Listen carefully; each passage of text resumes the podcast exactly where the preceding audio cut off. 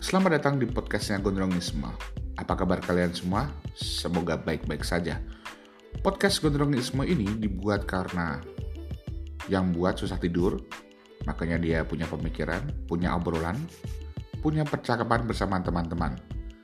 Bukannya menghitung domba, malah bikin podcast. Iya karep mundrong, drong.